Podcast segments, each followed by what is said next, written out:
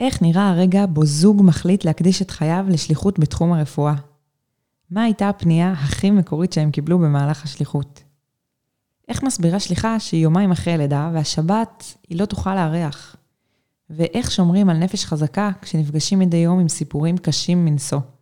הצטרפו אליי לשיחה מרתקת עם חנה טורקוב, שליחת חב"ד בבית הרפואה רמב"ם, חיפה. מזכירה לכן שאם אהבתן את התוכן, תשתפו, תפיצו, תירשמו למנוי בערוץ, תעשו לייק, זה יעזור לי להפיץ את התוכן הזה הלאה. פתיח ומתחילים. איך להפוך את החיים שלנו לחיי שליחות מלאים במשמעות. כאן חני מוסקוביץ', שליחה בעיר חרקוב, אוקראינה. בפודקאסט הזה אנחנו נפגוש נשים שונות שיביאו את השליחות שלהן במגוון של תחומים, ודרכה יעזרו לכל אחת למצוא ולדייק את השליחות שלה בעולם. כי לחיות את החיים שבשבילם נבראנו, זה הכי שיש. שליחות כדרך חיים. מתחילים עכשיו. שלום לחנה טורקוב. שלום, שלום. שהגיעה מחיפה. זהו, כבר סיפרתי עלייך הכל. יאללה, תכירי לנו את עצמך. Uh, שמי חנה טורקוב, אני גרה בחיפה. Uh, נתחיל מזה שאני אימא לחמישה ילדים מתוקים, ואנחנו שליחים בבית רפואה, רמב"ם, בחיפה. Uh, זה ממלא לנו ככה את החיים, וזהו. פחות או יותר. זהו, זה הכל. ממש. סיימנו את הפודקאסט. תגידי, במקור את מ... מרחובות. רחובות. ובעלך? בעלי מצפת. אה, אז יש איזו צפוניות ב... אה, למרות שזה כיוון אחר. כן, צפת וחיפה. חיפה היא הרבה יותר, אה, בוא נאמר, צפון המרכז, אני קוראת לה. כן. אז איך הגעתם לשם? איך הגעתם לחיפה? איך הגעתם לשליחות? או שזה היה ביחד? זה השתלשלות עניינים, הכל השגחה פרטית. אה, ישר אחרי החתונה בעלי התגייס אה, לצבא, לבסיס חיל הים, שהוא נמצא בשכונה של רמב"ם, אה, וחיפשנו מקום קרוב לבסיס, הבסיס בחיפה. בהתחלה היינו גרים בקריית אתא, ליד גיסתי, וכשבעלי שירת בבסיס, הוא עשה ככה כל מיני מבצועים, הוא היה שליח אה, שמה בבסיס. תסבירי מה זה מבצועים, למי שלא יודעת. אז אה, הוא היה עושה, נגיד, בחנוכה, מדליק חנוכיות בכל הבסיס, וכל חג, ועושה אה, תפילין לחיילים. ובעקבות זה נהיה לו הרבה שיתוף פעולה עם השליח של השכונה, הרב ישי קאלי. וסופגניות, ופה ושם, כל מיני ככה, היה ביניהם דיבור. ואחרי תקופה מסוימת, היינו זוג צעיר, בחדר לידה, אה, כשהייתי בחדר לידה עם הבת הבכורה שלי, הרב ישי קאלי התקשר לבעלי, להציע לו את השליחות בבית רפואה, ברמב"ם. תוך כדי, אה, אני חייבת לדעת באיזה שלב זה היה. זה היה, זה, הגעתי עם אה, צעירים, אני חושבת, כאילו זה היה בהתחלה, זה לא היה ממש ממש כן. שהייתה לידה פעילה. יכולת עדיין לחשוב כן. קצת בשפיות. אבל אמרתי לו, חכה, חכה, חכה, תן לי ללדת, ואחרי זה נבין מה זה בכלל בית רפואה, מה שליחות, כאילו, מאיפה זה נחת עלינו בכלל כל הדבר הזה. אבל זה היה מטורף, כאילו, זה היה כמו סימן משמיים, ש... שכמו לידה שמשהו נולד, משהו מתחיל, זה היה כזה, וואו, זה היה ממש וואו. מטורף. אז אחרי הלידה החלטתם שהולכים על זה. זהו, אחרי הלידה לקח לנו בערך שנה, תכלס, לעבור דירה לחיפה, ליד רמב"ם. אמ, וזה היה תהליך, תהליך אה, עד שבאמת עברנו. בהתחלה רק הגענו ככה פה ושם לרמב"ם, וראינו את השטח, ואיזה שבת אחת הגענו לרב ישי, והיינו אצלם בשבת, והסתובבנו כזה באזור, ועד שבאמת עברנו, זה לקח שנה. איך עושים את זה באופן רשמי? כאילו, דרך השליח, הוא ניגש לבית הרפואה ואומר, שלום, יש פה זוג. אני קולטת שהשליחות היא כל הזמן מתפצלת. זאת אומרת, בהתחלה יש שליח מגיע לעיר, ואז רגע, רגע, יש פה כמה שכונות, ואז מתפצלים לשכונות, צריך להביא עוד זוג ועוד זוג ועוד זוג, ואז בשכונה קולטים, רגע, יש פה בית רפואה, יש פה זה. כאילו, זה מדהים, אין סוף לצרכים. אז באמת, ממש ככה. כאילו, באמת ההבנה הזאת היא שרמב"ם זה כמו עיר שלמה. אה, וזה המון, כמה וכמה בניינים, כל, כל בניין זה כמה קומות. אני אומרת, רק אלף מיטות אשפוז, התחלופה של המאושפזים, יו. המשפחות של המאושפזים, הצוות זה כפול שלוש, כאילו זה שלושת אלפים אנשי צוות. וואו. וזה צוות שהוא, זה ממנקים לאחיות, לרופאים, למנהלי מחלקות, יש מחלקת מחשבים, מחלקת אה, אה, רשומות רפואיות, מחלקת אה, לוגיסטיקה. קיצור, אין סוף של צוות. צוות זה לא רק רופאים ואחיות, זה- זה המון המון. יש אה, בית דפוס ברמב"ם, יש טקסטיל, יש מתפרה, איזה מטורף. זוג אוויר.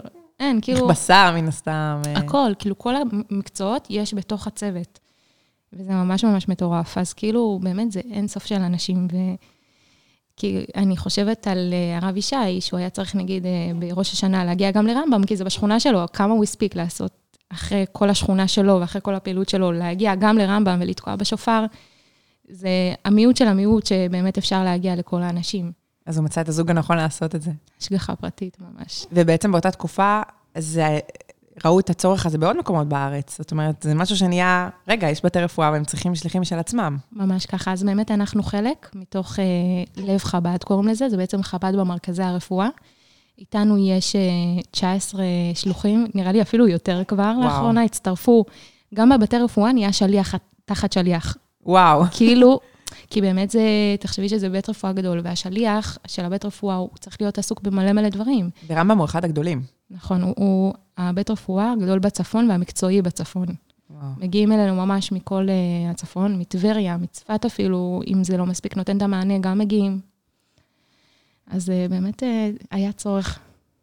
אז כמה שנים אתם שם? אנחנו שבע וחצי שנים, uh, ברוך השם. איך זה לעבור לצפון? מרחובות, מהשפלה הפשוטה והקטנה. Uh, האמת שזה היה מאתגר, בעיקר כי הגעתי ולא הכרתי כלום. כאילו... זה קצת כמו לנסוע לחו"ל, אני חושבת, חוץ מהשפה המדוברת. זהו, זה מאוד קריטי. שפה מדוברת ומנטליות זה ברור. מאוד קריטי.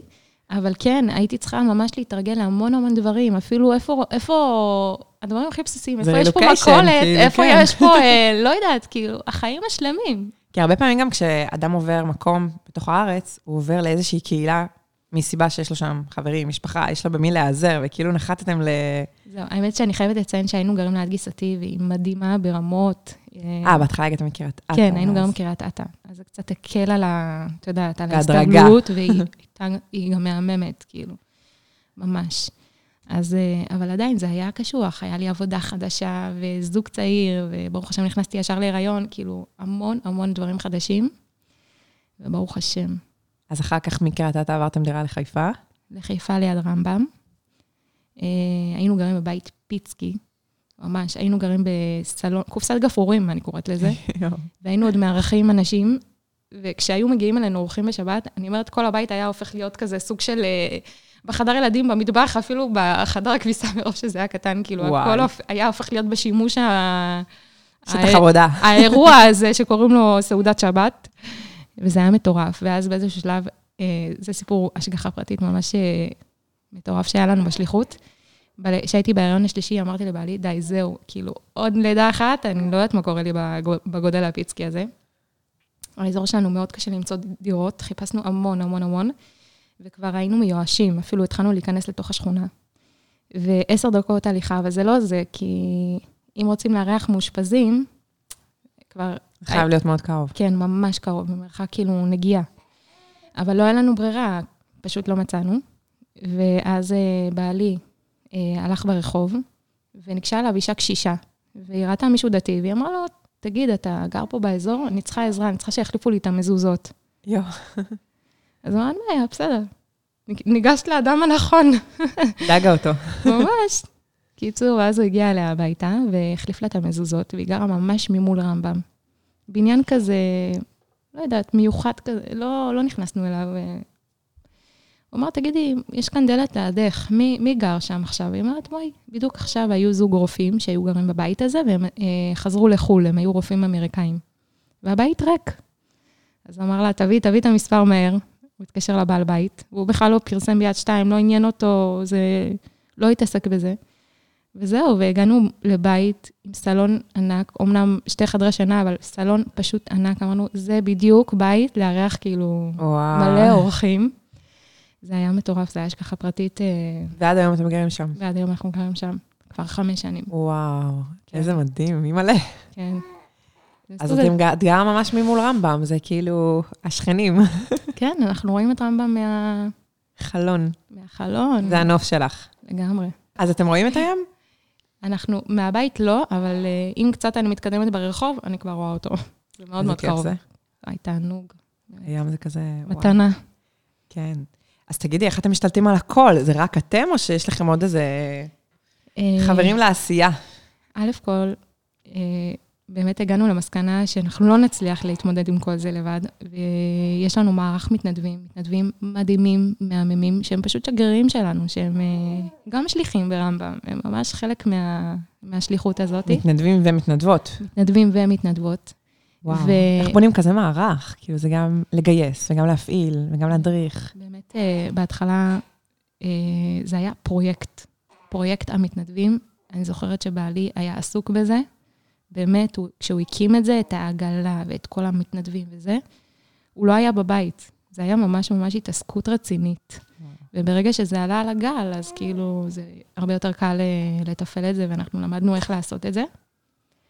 אה, וגם אני הרבה יותר נכנסתי לעניינים. בהתחלה שהוא הקים את הפרויקט, אני לא- אה, עבדתי בעבודה שממש שאבה ממני המון זמן והמון אנרגיה, ועכשיו אני הרבה יותר... על זה. אני על זה, מה שנקרא, זה התפקיד שלי. אז איך הם מגיעים אליכם, המתנדבים? אה, זהו, אז ככה, זה גם התקדמות. כאילו, בהתחלה זה היה מפה לאוזן. ראו אותנו ברמב"ם, איזה חבר של, איזה... ככה זה התגלגל. והתחלנו יותר אה, למסד את זה. נגיד היום, יש שתי משמרות של חיילים מבסיס חיל הים. כל וואו. יום חמישי מגיעים שתי משמרות. אה, יש לנו אה, אתר שקוראים לו הרוח הטובה, שבעצם זה אתר אה, כמו אתר שידוכים, שהוא משדך בין עמותות לבין אנשים שרוצים להתנדב. אז אנחנו מופיעים באתר הזה, ובאמת הגיעו לנו כמה מתנדבים מהאתר הזה. אה, נרשמנו גם לאתר V, שזה גם סוג של אה, אפליקציה כזאת, יותר לאנשי הייטק. זה פחות עבד, פנה אלינו רק מישהו אחד דרך שם. לכי תדעי מה זה עשה לו. אבל אה, זה גם, אנחנו צריכים גם לחדש כל פעם את המידע שם. כאילו, אני צריכה. עדיין להבין איך זה עובד. ויש גם בנות תיכון מהממות. ש- איזה תיכון? תיכון בית חיה, בקריות. בקריות, שזה בעצם שעות מחויבות אישית, שהן עושות יותר פעילות בילדים. כאילו, אה. מה זה עושות יותר? זה התחום התנדבות שלהם. אה, יש הרבה חומרי יצירה ומשחקים. קייטנה לילדים שמאושפזים בעצם. בדיוק. מעסיקות אותם, יושבות איתם. מועדונית כזאת. כן. וואי, איזה חמוד. ומה עושים המתנדבים האחרים? הם מסתובבים ו... אז יש לנו עגלת קפה, קוראים לה קפיטריה ניידת, אה, שיש עליה מכונת קפה ממש ממש מקצועית, כמו של בתי קפה. עם גרעינים שטוחנת במקום, רק, רק הריח שלה, כבר כאילו כל המחלקה סוחף, מגיעה. כן. כמו, את יודעת, כתוב שכשמעמידים פנס, מתקבצים החפצים אוי. באור, אז כשמעמידים מכונת קפה, מתקבצים... וואי, את יכולה לעלות פה על זה, לעלות פה על... אה, כן, פתגם חדש. ממש, אבל זה ממש ככה, כאילו, אנחנו רק מגיעים עם העגלה, זה, זה כזה סוג של סופח אליו, כן. קורא לכולם. ממש מדהים. ו... יש גם מאפה ליד הקפה? כן, יש נשים, זה עוד מתנדבות, נשים צדיקות, שמכינות עוגות ביתיות, והן פשוט שולחות כל שבוע אלינו, לרמב"ם, ואנחנו שמים את זה על וואו. העגלה. איזה מהמם זה שזה עכשיו, את לא ביתי. מבינה איזה מהממות הן, כאילו, אני לא מזכירה להן כל שבוע, אני לא, הן דואגות להכל, הן עופות, הן מארגנות שינוע, הן מביאות את זה, משהו, הן צדיקות. פשוט נשים מחיפה שהתגייסו נשים לזה. מחיפה שהתגייסו לזה, ואני אומרת זה, נשים צדקניות, בזכות נשים צדקניות, את לא רואה כמה, אני אומרת, בשליחות הזאת, כמה נשים צדקניות אני רואה, אני אומרת, אין, רק דוד המשיח, כאילו, יש פה נשים מהממות. אני חושבת איזה מדהים זה שקודם כל את שליחה, ואת עובדת בשליחות, אבל חלק בעצם ממה שהרבי רצה, זה שכל שליח לא יעבוד לבד, הוא לא יכול לבד, הוא צריך ל- ל- לעשות עוד שליחים, מה שנקרא. כי כולנו שליחים, רק צריך לגלות את זה. אז את בעצם זוכה לגלות את השליחות בעוד המון המון אנשים שהם עובדים איתך, או תחתייך, או איתך, איך את קוראת לזה? אה, איתי, הם שותפים איתנו לשליחות הזאת. נכון, וואו. זה פשוט, זה, זה זכות מטורפת. וואו, ממש, אני חושבת שזה אחד הדברים הכי מספקים שיש לי בשליחות. כי באמת שמתנדבת שולחת לי הודעה, אני צריכה להקריא לך, או להשמיע לך את ההודעות הקוליות שהן שולחות לי. חנה, זה היה הרגע הכי משמעותי שהיה לי בחיים. אני אומרת לך, אני אנצור את הרגע הזה לעד. אתמול מתנדבת שלחה לי הודעה קולית. וואי. הרגע הזה יישאר לי בלב לעד. איזה תקופה הן עושות את זה שנה? אה, זה מאוד תלוי. יש לי מתנדבות שהן, נגיד, הגיעו בכיתה, נגיד, מאוד תיכון, נגיד הבנות התיכון, כן. כן? הגיעו בכיתה י', ואז כבר י', י"א, י"ב. ואז אז אני, זה מטורף. את יודעת מה זה שלוש שנים בגיל כזה יש לי בנות קריטי? המון המון זמן איתנו. זה תהליך מטורף שהן עוברות, כאילו. הן כבר מרגישות... הם לא. היו אותו בן אדם בלי זה, מן הסתם. מדהימות, את לא מבינה איזה מדהימות, באמת. איזה מרגש. מהממות, ממש. בכלל, זה גיל כזה שאתה כל כך מרוכז בעצמך, והציונים שלי והחברות שלי, ופתאום להוציא את עצמך מזה, זה דבר מדהים. השעות מחויבות הזה זה משהו שיש בכל ה... אני לא, בעניין, אני לא בעניינים, כאילו. בתי ספר של, חינ... אה, של אה, משרד החינוך, חינוך... אה, זה קיים אצל יש כולם. להם, כן, יש להם... לא, כי אנחנו גם עשינו התנדבות, אבל בלי לא, זה... זה לא היה בזמן שלנו. כן, איזה לא אנחנו. כן, אנחנו באותו גיל, אגב, למי שלא יודעת, כן. למדנו ביחד בסמינר. אז היה לנו מועדוני צבאות השם, עשינו הרבה דברים טובים, אבל לא זכור לי... כן. מוזר שזה כאילו מחויבות... אה, אבל אני חושבת שזו ברכה מאוד גדולה.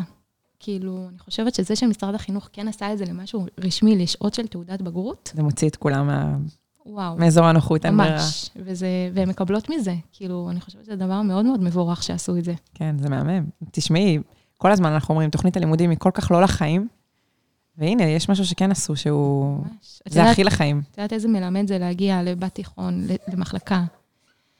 היא נתקלת בסיטואציה מאוד מאוד אה, שונה מהעולם שהיא חיה בו, זה מלמד אותה המון, המון. כן, והיא לא רק רואה, את יודעת, לפעמים לוקחים לסיורים, במיוחד בסמינר זכור לי, הלכנו לסיורים לפה, סיורים לשם. אז היה לנו איזשהו רושם, אבל בסוף חזרנו הביתה, אבל פה הן גם אקטיביות.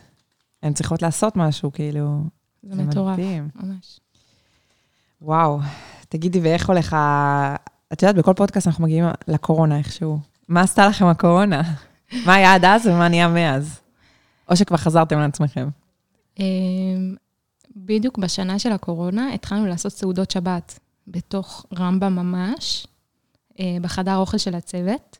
רגע, בהתחלה זה היה בבית, כאילו? בהתחלה זה היה בבית, אחרי זה עברנו לתוך רמב"ם, ומהקורונה חזרנו לבית. החזירו אתכם זה דבר הביתה. ראשון. בקורונה עצמה היה פעילות מטורפת במחלקת קורונה. היה וואו, לנו... נכון, זה כאילו, פתחו לכם עוד אה, שליחות חדשה. זה היה, המתנדבים שהיו בתוך מחלקת קורונה, הם היו ממש חלק מהצוות, כי הם היו צוות רפואי. הצוות הרפואי, ככה, זה היה מטורף, כן. והם פשוט הצילו חיים. וואו, הם היו נכנסים, והם מביאים... צמרמורת. זה, היו שם סיפורים הזויים, איזה מתנדבת אחת שאמרה וידוי עם מישהו ברגעים האחרונים שלו, ואנשים צמאים שהפה שלהם יבש, שאף אחד לא ניגש להם שעות, ולתת להם לשתות עם קש, ככה, את יודעת. הם פשוט היה חסר כוח אדם. חסר כי- כוח אדם, את יודעת, שיחות וידאו למשפחה, לא דיברו שעות עם המשפחה, ואף אחד לא היה לו את הפנאי. באמת לעשות את זה, הם היו עושות ככה שיחות וידאו. בוואטסאפ היה פלאפון של המחלקה, היה אסור להכניס שום דבר, את יודעת, הכל הם היה נכנסו כזה. גם בטח עם החליפות בידוד האלה. וואו, הכל חום אימים, את לא מבינה איזה חום, נוטפות. אבל הם היו שם שעות, הן היו מדהימות, מדהימות, הם עשו פשוט עבודת קודש, ממש. וואו, זה גם הבנות של התיכון, או שזה יותר ה- זה יותר בנות בוגרות. הבוגרות יותר? הם היו בערך בגילאי 21. והיו גם, גם נשואות ונשואים, כאילו, הכי קטנות היו 21 בערך. וואו, אז, אז הסעודות חזרו אליכם הביתה, ברוך השם, כבר הייתם הבית הגדול. כן, היינו כבר בבית הגדול. איזה מטורף זה, זה הפקה. אני אומרת זה הפקה, כי יש לי ניסיון עם סעודות שבת לעשרות אנשים בבית, וזה זה להתחיל מיום רביעי, מיום שלישי את הקניות, יום רביעי להתחיל לבשל. כן. איך את עושה את זה? הילדים גם חלק מזה? אה, ברור שהם חלק מזה. אני חייבת לציין שלאחרונה אני אחרי לידה ואני לא מבשלת את האוכל. ולמרות שאני מאוד אוהבת לבשל, אני אוהבת לבשל, אה, אבל אני ממש הגעתי למסקנה שאני צריכה לעשות את זה מתוך שמחה. גם מה שאוהבים לעשות זה שואב כוחות, בדיוק. ו- לתעדף את הכוחות שלנו. לגמרי. החלטתי שאני חייבת לתעדף את הכ- את הכוחות שלי למקומות הנכונים ולהגיע לשבת רגועה עם הילדים. גם ככה לארח זה המון עבודה מעבר להכין את. האוכל. אז באמת אני מזמינה קייטרינג, וזה גם מקל על אנשים. כאילו, אני, אומרים, מאיפה האוכל? מקייטרינג, ואת רואה כזה את האנחת רווחה שלהם. כן. כאילו, טוב, היא אחרי לידה, אבל לא כזה העמסנו עליה. כן. זה, זה טוב, זה עושה טוב לכולם. נכון, וגם יש לך את הכוחות, כי בסופו של דבר, באירוח עצמו, את אף אחד לא מעניין מי הכין את העוף. מה שמעניין זה שיש לך אוזן קשבת, ושיש מישהו ש... שהמארחת רגועה ויש אווירה טובה, ו... לגמרי. בסוף, כשמכינים סעודה לעשרות איש, גם אם יש לך עזרה, זה להגיע לשבת עם הלשון בחוץ, כאילו, נכון. אין מה נכון. לומר. נכון, ואם אני מגיעה כזה גמורה לסעודה ובקושי... והיה קשה עם הילדים בגלל שהייתי כל כך בלחץ. נכון. זה מחיר אה, גדול. אז אנשים מגיעים, אני מנסה לדמיין איך זה עובד שמאושפזים מגיעים אליכם. משחררים אותם בשביל סעודת שבת? כן, כאילו, הרבה מהמאושפזים, בעיקר אלה שלא במצב קשה, כמובן, מבקשים לצאת לאיזה כמה זמן, ופשוט מגיעים אלינו הביתה. והרבה פעמים הגיעו עם כיסאות גלגלים וכאלה. איזה קטע. וביחד עם המלווים גם. ברור, כן. צריך מישהו שייקח אותם. יש גם אנשים מהצוות שבאים לסעודה? אה, פחות, זה פחות. הם עסוקים בעבודה, וכשיש למרות- להם אה, זה, הולכים הביתה בטח. לאחרונה דווקא היה איזה מישהו שהוא מהדרג המנהלי ממש אה, גבוה, מישהו דתי, שנתקע פה בשבת, כי אימא, ש... לא משנה, לא נחשוף פרטים יותר מדי. זה לא אימא שלו, אמרתי אימא שלו, אבל זה לא אימא שלו. איזה מישהו מהמשפחה היה מאושפז, והוא דווקא התארח אצלנו בשבת, זה היה כזה מרגש. שמישהו כן. חווה את זה, את יודעת, יכול לספר את זה להנהלה. נכון. מישהו מבפנים כזה. כן. וואו, יפה. ואז הילדים בעצם אה, מארחים כל שבת, חבר'ה. את יודעת, זה מטורף, כל הקטע הזה שמצד אחד אנחנו כל הזמן חושבים איזה מחיר הילדים שלנו משלמים בשליחות. מצד שני, הרווח כולו שלהם. אני זוכרת שהרבה פעמים היו שואלים אותי, מה, הילדים שלך, איזה מסכנים, אין להם חברה. עכשיו אני אומרת, איזה, כאילו, אנחנו עכשיו בארץ כבר עשרה חודשים, וכל כך חסר לי הקטע הזה של ה... נכון, אנחנו עסוקים בשליחות וכולי, אבל ספציפית הקטע הזה של ה... שזה קורה בתוך הבית שלך. כאילו, ככה, בטבעי, ואת לא צריכה להגיד כלום. הילד פשוט חווה את זה ומרגיש את זה. אוקיי. אה, חד משמעית, זה ממש ככה. אני יכולה לראות על הילדים שלי שהרבה הרבה יותר קל להם להתחבר. בגלל התחלופה הרבה של האנשים שהם אה, כל הזמן אה, צריכים להכיר מחדש אנשים חדשים, אז הם מאוד מאוד קל להם להתחיל חברות חדשה. ו... ובשליחות הזאת, הדוגמה האישית שהם רואים אותנו, בנתינה, ובאהבת ישראל, ובקבלה, ובלי שיפוטיות, אני רואה שהם עושים את זה, אוטומטית הם עושים את זה.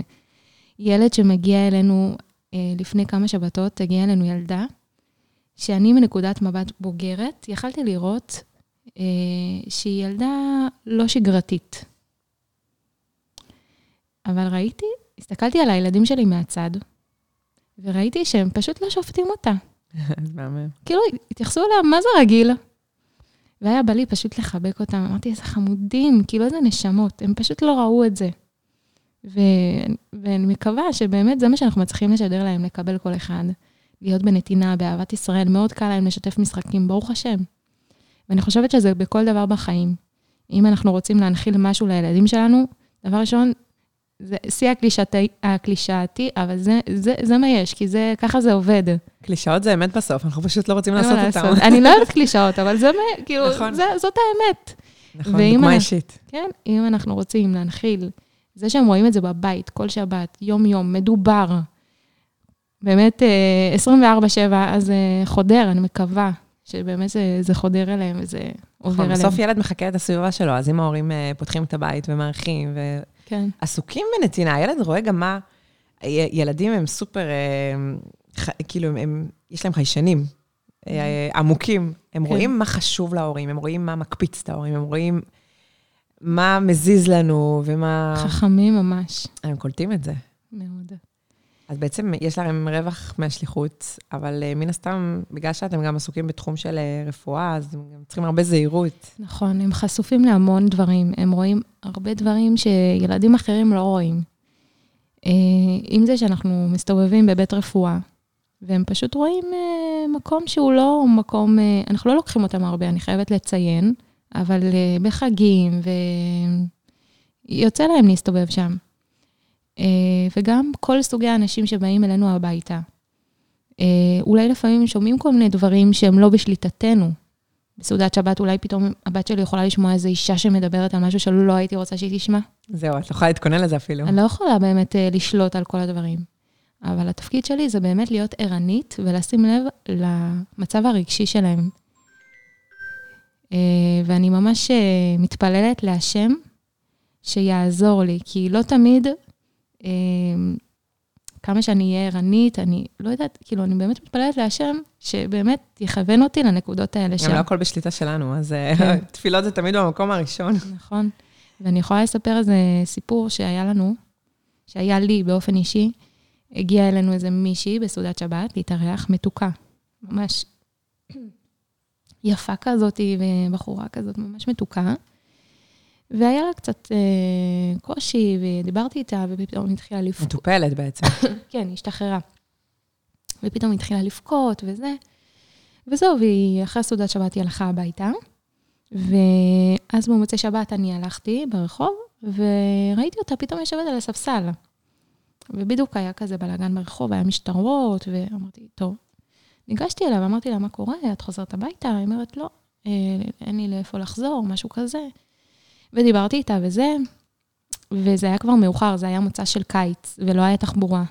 אה, היא גרה ב... קיצור, לא היה תחבורה. ואז אה, ביקשתי ממנה אישור לראות את המכתב שחרור. התקשרתי לאיזה אחות שאני מכירה ברמב"ם, והיא, כמובן הכל בהסכמתה, והיא שאלה אותה כמה שאלות, והיא אמרה לי, חנה, זה בסדר? כאילו, היא במצב בסדר גמור, אין לך מה לחשוש. ובאמת לקחתי אותה לבית, היא ישנה אצלי במוצ"ש, בבוקר היא הייתה איזה חמש דקות בבית, אה, נתתי לה כסף לנסיעות והיא חזרה. ואז זה היה בבוקר, והילדים שלי הלכו לבית ספר.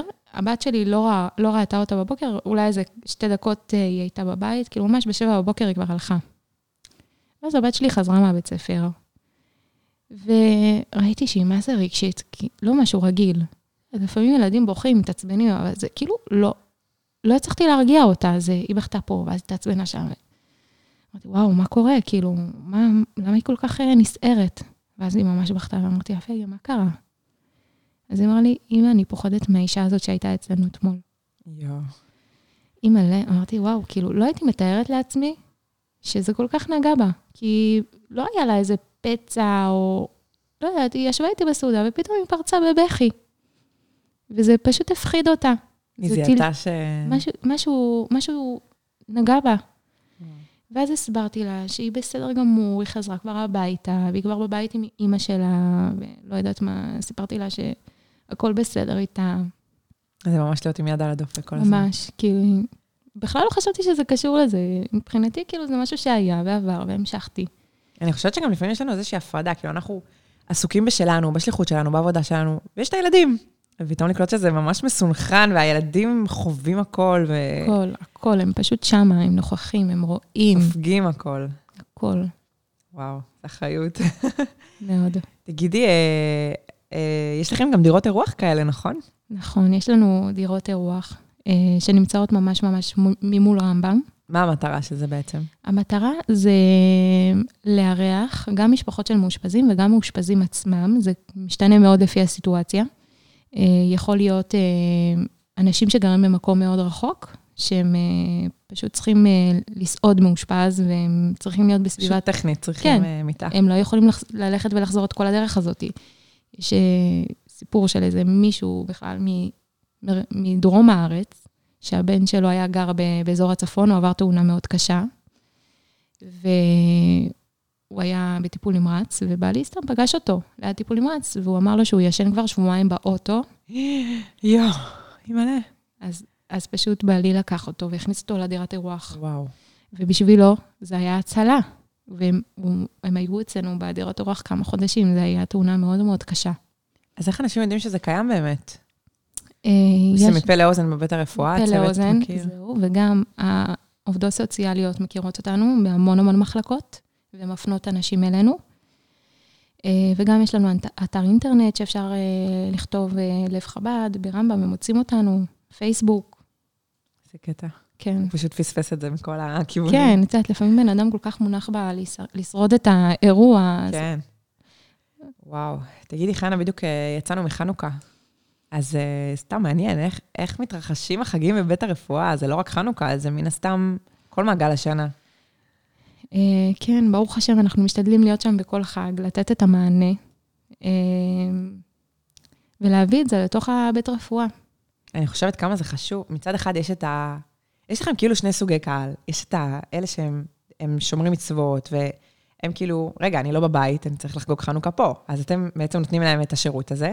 ויש את אלה שאתם בעצם, כאילו בהזדמנות שהם שם, אתם מכירים להם את היהדות מכיוון כן. אחר. וכמובן שאתם לא נותנים רק יהדות, אלא בכלל תמיכה. האמת שזה ממש קטע מטורף, כי אני לא יכולה לתאר לך כמה פעמים שמעתי בשליחות אנשים שאומרים, פעם ראשונה שאני בבית חב"ד.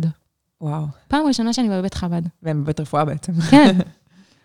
כי, כי, לא יודעת, לא מעניין אותם חב"ד, הם לא, לא, גם אני חושבת שכשאתה חי את החיים שלך, אתה במרוץ החיים, אתה בסדר עם עצמך, לא מחפש איזה, את יודעת. כן, אז למה שתיקלע לשם, כאילו? נכון. לא, יהדות לא זה, ולא לא קשור לקהילה הזאת. או לא יצא לו בכלל להיות בעולם בבתי חב"ד, כי הוא לא טייל אף פעם. או... ופתאום הוא בבית חב"ד, מה שנקרא, מי שלא בא לבית חב"ד, הבית חב"ד מגיע אליו. לגמרי. זה ממש ככה. שיהיה תמיד מסיבות טובות. אמן, אמן. זהו, בן אדם כאילו מתגלגל לבית הרפואה, ופתאום זה פוגש אותו. אז בחגים בטח יש לכם כזה מין אה, נקודה כזאת של כל פעם, אה, פתאום להגיע לכולם גם, כי, לא יודעת, נגיד להדליק נרות, זה משהו ש...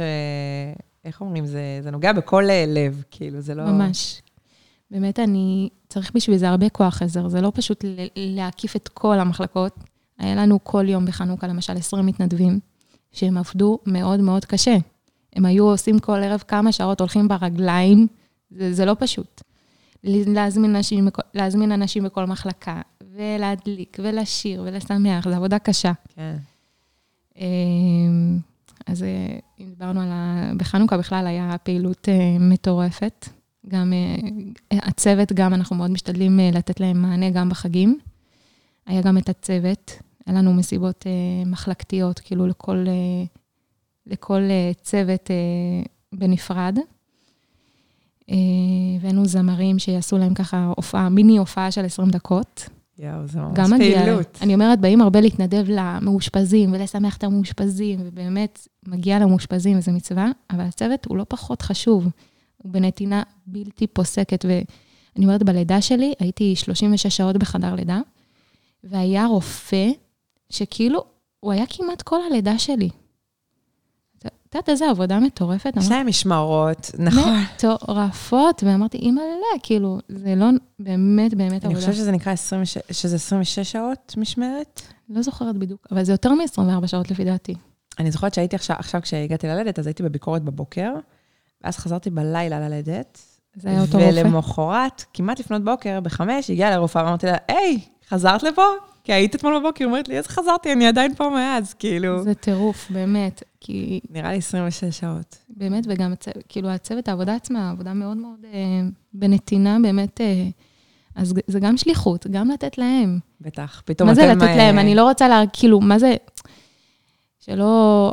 כי מגיע להם, פשוט הם עושים עבודה, עבודת קודש. לא, גם פתאום שנייה להרפות ולהיות במקום של קבלה, זה גם משהו שמטעין אותך. נכון, ממש להיטען, את יודעת, שירים ודברי, אה, מחזקים. תגידי, מן הסתם לא כל הצוות יהודי. נכון, ואנחנו תמיד שמה, ואנחנו מנסים ככה ללכת, אה, כולם שומעים את השופר וזורמים. כן, כן. נכון. יש שם מאוד אה, דו-קיום. אם רוצים לראות דו-קיום, זה לבוא לרמב"ם. כן. לא, בכלל חיפה מאוד מגוונת עם ה... ממש, יש שם מכל הסוגים והמינים. ממש.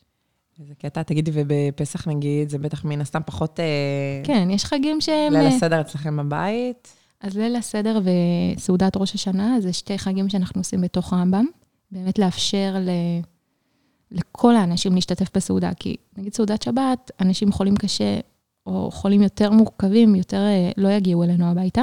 אז באמת בראש השנה, מגיעים עם מיטות, ממש, וואו. זה מרגש, או ההיילייט של השנה כזה. ממש היה מטורף. אה, אתה יודע, דמעות, בחיות, התרגשות, זה ממש מטורף. וואו, ול"ג בעומר יש לכם איזה משהו ש... זהו, אז כל חג אנחנו באמת משתדלים ככה. יש שם בית כנסת בתוך כן, ה... יש בית כנסת במרכז הרפואי.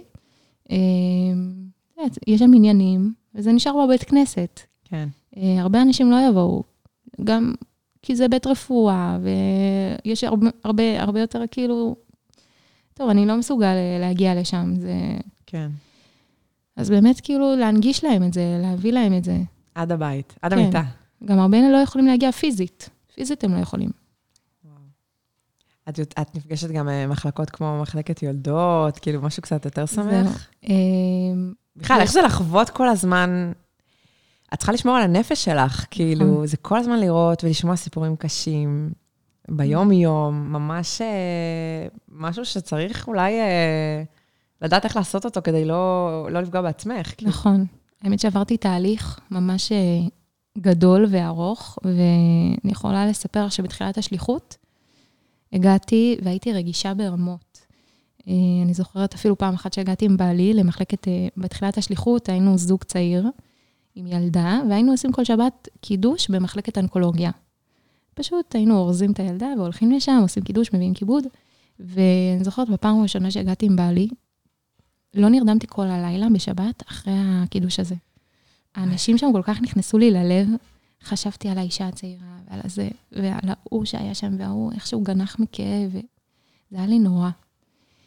ואז הבנתי שאני לא יכולה עד כדי כך להכניס אותם ללב, כי אני לא, לא אוכל לחיות, אני לא אשרוד ככה. כאילו, אני חייבת לדעת להפריד.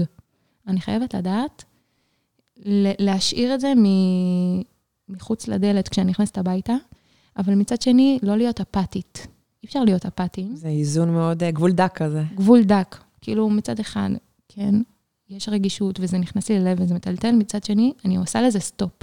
זהו, חנה, זה כואב, אבל מעכשיו את צריכה כבר אה, לתפקד. לשמור על עצמך. כן, תשמרי על עצמך. בטח זה תהליך שבעצם עובר כל איש צוות רפואי. נכון. בהתחלה, אין לך ברירה, אחרי אתה לא תצליח לתפקד לא פה ולא אחר כך, כאילו. נכון. זה, אני חושבת שעוברים תהליך, אבל אני יכולה להעיד על עצמי שיש תקופות שאני ממש ממש רגישה. שאני מרגישה שזה רגיש לי כבר. כאילו, אני יכולה לח... לדעת שיש תקופות שוואלה, חנה, אתה... להוריד במינון. בואי. בואי, את רגישה ממש היום. וואו. קשה לי להפריד, לפעמים זה קשה, אין מה לעשות. כן. אבל עצם זה שאת מודעת לזה, את יכולה להסתכל על עצמך שנייה מהצד ולהגיד, אוקיי, לא קרה פה כלום, את פשוט רגישה היום, ו... זהו, עכשיו נגיד ילדתי לפני לא מזמן, והיה איזה, איזה מישהי שהיא מאושפזת, וידעתי מראש שזה קשה לי להכיל את זה. כאילו, ואמרתי, חנה, חכי. חכי עוד קצת, תתחזקי, תהיי חזקה נפשית, ואז תעשי מה שאת יכולה. כרגע את לא. את לא, לא במקום שאת יכולה. זה מדהים, כאילו, כי כל החיים שלנו זה בעצם מין עבודה כזאת של אה, לדעת, לדעת מה נכון לעשות, לדעת לשמור על עצמנו, לדעת את הגבולות, לדעת איפה כן ואיפה לא. וואו, ו... זה ממש, אני חושבת שהשליחות שלנו זה העבודה. כן. כאילו, ממש ככה. אני חושבת שזה הדבר הכי משמעותי שעברתי עם עצמי בתוך השליחות. יש איזה סיפור שבכל זאת כן תפס ולא עזב אותך כזה? אה, באיזה, כאילו... מישהו שלקחת איתך הביתה, כאילו, בלב. אה, המון, כאילו, תראי, כמעט... כאילו, אני מאמינה שלא תמיד אפשר ממש לעשות סטופ. את שומעת איזשהו סיפור, והוא יושב לך. אני כאילו. יכולה להגיד לך שבאופן כללי, נגיד, הפחדים הם יותר פחדים, ממשיים, כי שמעתי המון דברים. אז אם נגיד כואב לבן שלי הראש, אני כאילו אומרת... יש לך הרבה וריאציות. כן, ל... רגע, אולי זה מה שהיה, לא, ומה ש... ואני אומרת, אוקיי, אוקיי, אוקיי, אוקיי, תרגעי. בכלל, יש לך ידע רפואי. אה, כן, שמעתי המון המון דברים, אני יודעת המון דברים. אפשר להתייעץ איתך. להתייעצויות פנו, סתם. בטח שלא, את לא יכולה לקחת את ה... אני לא לוקחת את האחריות, ודווקא הפוך, ברגע שהבנתי, שמעתי כל כך הרבה סיפורים וכל כך הרבה גיוון, אפילו סיפורים שהם נראים דומים, והבנתי כמה שאין לי את היכולת בכלל כאילו לדעת ולהבין כל סיפור, אלא זה רק רופא שהוא יכול לקרוא את, ה, את המידע הרפואי ולהבין בדיוק את השמות המדויקים, יכול לייעץ. אני הבנתי כמה שאני באמת לא מבינה כלום. כן, דווקא, דווקא כי ראית הרבה. בדיוק. וואו. תגידי, דיברנו קודם על הלידה. זה מעניין, את בעצם מגיעה ללידה, צוות שמכיר אותך, לא? כן. זה, זה כאילו פריבילגיה, אבל באיזשהו מקום גם יש פה... באמת, הלידות הקודמות לא כזה היה לי אכפת, דווקא הלידה האחרונה. אמ, בגלל שלאחרונה אני עושה המון המון פעילות במחלקת נשים, הכרתי המון המון צוות מנשים.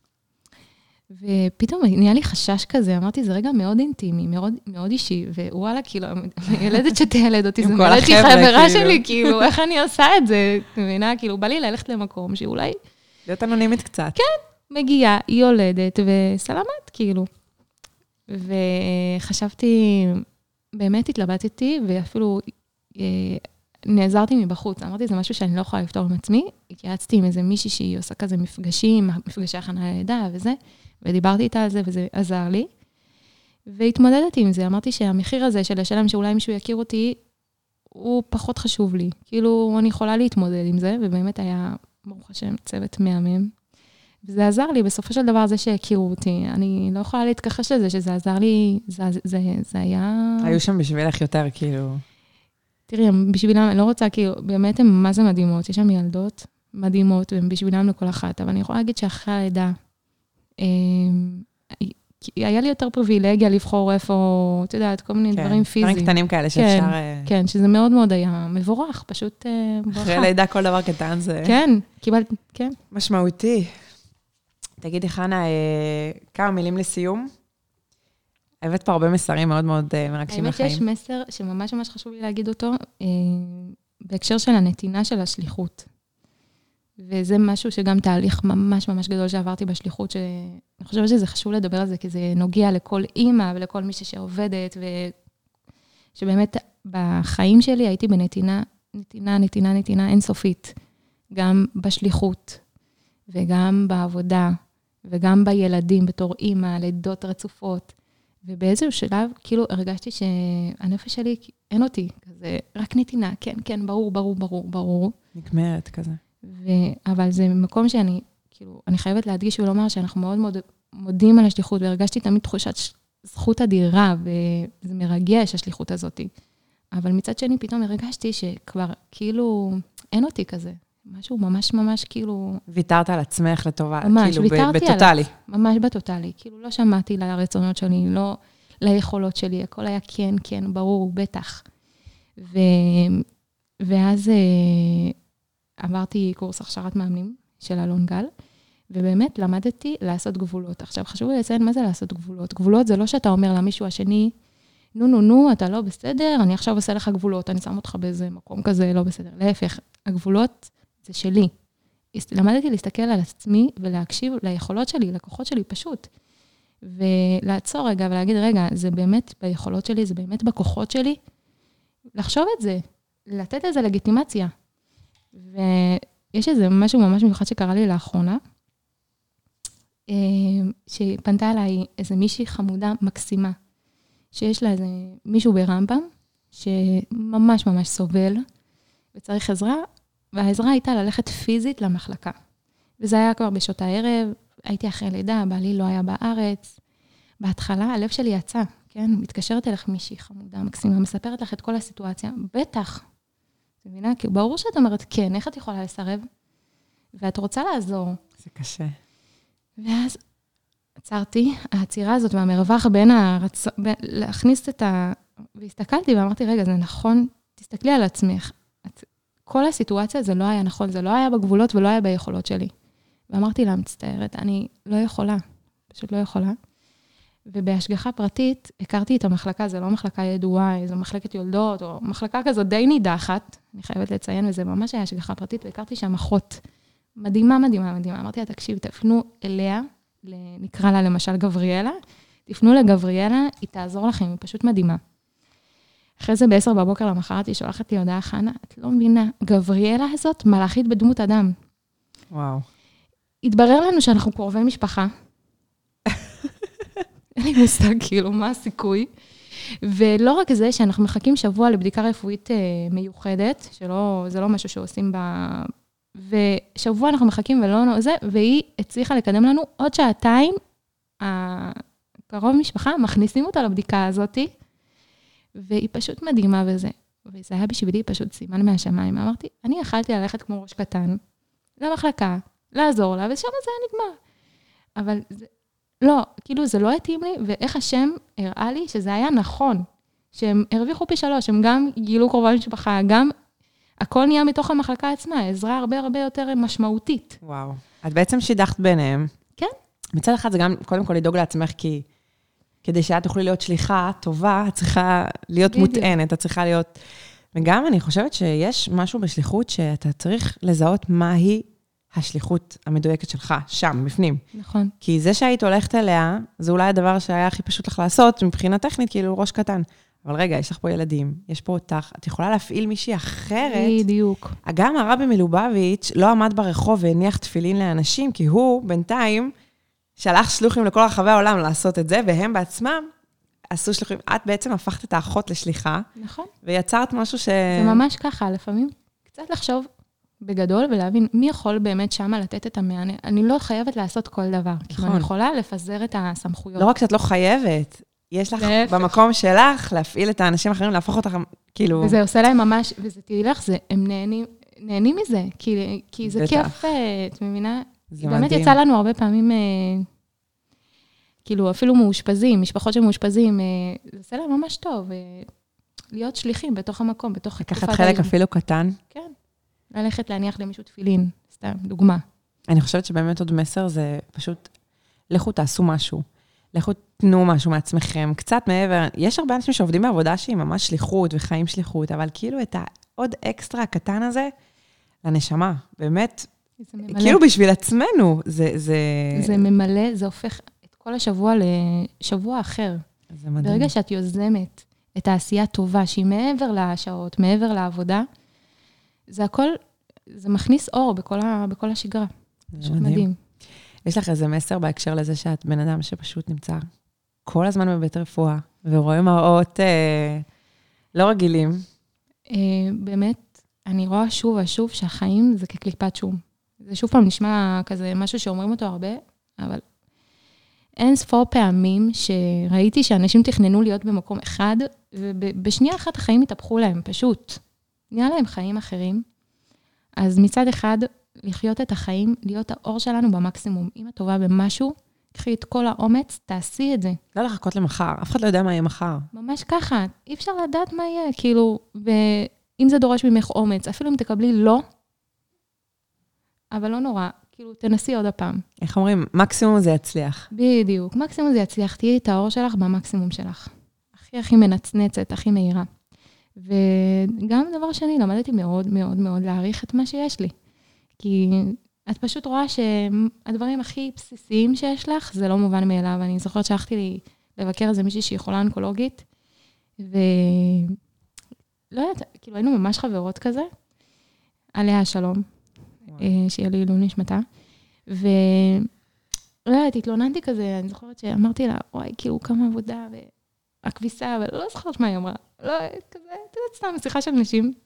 אז היא אמרה לי, חנה, כעסה עליי אפילו, הסתכלה עליי במבט מה זה רציני וכזה, היא אמרה לי, חנה, תקשיבי, התלונות שלך זה התפילות שלי. וואו. אני מתפללת להשם שאני אהיה בבית, שיהיה לי ערימות של כביסה, שיהיה לי כוח בידיים, פיזי. כוח בידיים לקפל כביסה. זה התפילות שלי. ובאמת שזה יהיה לעילוי נשמתיים כבר, אנחנו מדברות. אמרתי, וואו, כאילו, זה ממש טלטל אותי, וזה, למרות שאני אומרת, כן, לפעמים אין מה לעשות, זה החיים. גם להתלונן זה בסדר. אנחנו נשאבים לזה, וזה נורמלי. בסדר. אבל יש גם משהו ב... לזכור את ה... כן. כן להחזיר את עצמנו למקום הזה של הלהעריך, להעריך, כי זה גם... זה גם סוד השמחה, אני חושבת, כשאתה כל הזמן חושב על מה שיש לך ועל חצי הכוס המלאה, ובאמת לזכור, זה שזה שאני בריא זאת מתנה. יש כזה משפט ששמעתי לא מזמן, שכשאתה אה, בריא, יש לך אלף דאגות, אבל כשאתה חולה, יש לך רק דאגה אחת. מטורף, זה ממש ככה. כי כל השאר לא שווה, פשוט לא שווה, הכל, זה עומד וזה... לגבי ההודיה, אה, באמת לחיות את זה. עכשיו, יום שלישי האחרון, הייתי במחלקת נשים, אני עושה סדנה כל יום שלישי, וחילקתי לאנשים, כל אחת קיבלה כזה מחברת קטנה יפה, ודיברנו על השמחה ועל ההודיה, ואיך להכניס את השמחה לידי ההודיה. עכשיו, זה מה זה, כאילו, שוב פעם, אנחנו חוזרים לקלישאות. כן, זה נשמע כאילו, כן. כן, תודי להשם, עם פנקס הודיות וכזה. ואז חזרתי הביתה ואמרתי, רגע, את חיה את זה? באמת לקחתי על עצמי כל בוקר, וזה הכי טריוויאלי, ושומעים את זה שעושים את זה מלא, ואני רואה את זה המון בסטטוסים, הכל טוב ויפה, אבל באמת החלטתי לכתוב כל בוקר עשר הודיות, וזה מדהים. זה מכניס וואו. המון המון שמחה, ותיישמו את זה. לפעמים רואים את זה כזה הרבה, וזה נפוץ וזה, אבל לעשות את זה בפועל, באמת זה שווה. לעשות את זה מול עצמך, באמת, כאילו, החיים שלך. ולחשוב על הדברים הספציפיים שלך, בחיים שלך, ועל דברים ספציפיים שהצלחנו וקרו לנו, זה ממש מחזק. וואו, חנה טורקוב, תודה רבה. זהו. תחזרי לפעילות, וכל מי שנמצא ברמב"ם, זהו, עכשיו כבר אה, אין, אה, לא ידעתי, לא שמעתי. לגמרי, ושנתראה רק בשמחות. נכון, רק, רק בשמחות. מסיבות טובות. מסיבות טובות. תודה, חנה. בשמחה, בשורות טובות. בשורות טובות, זה האיחול.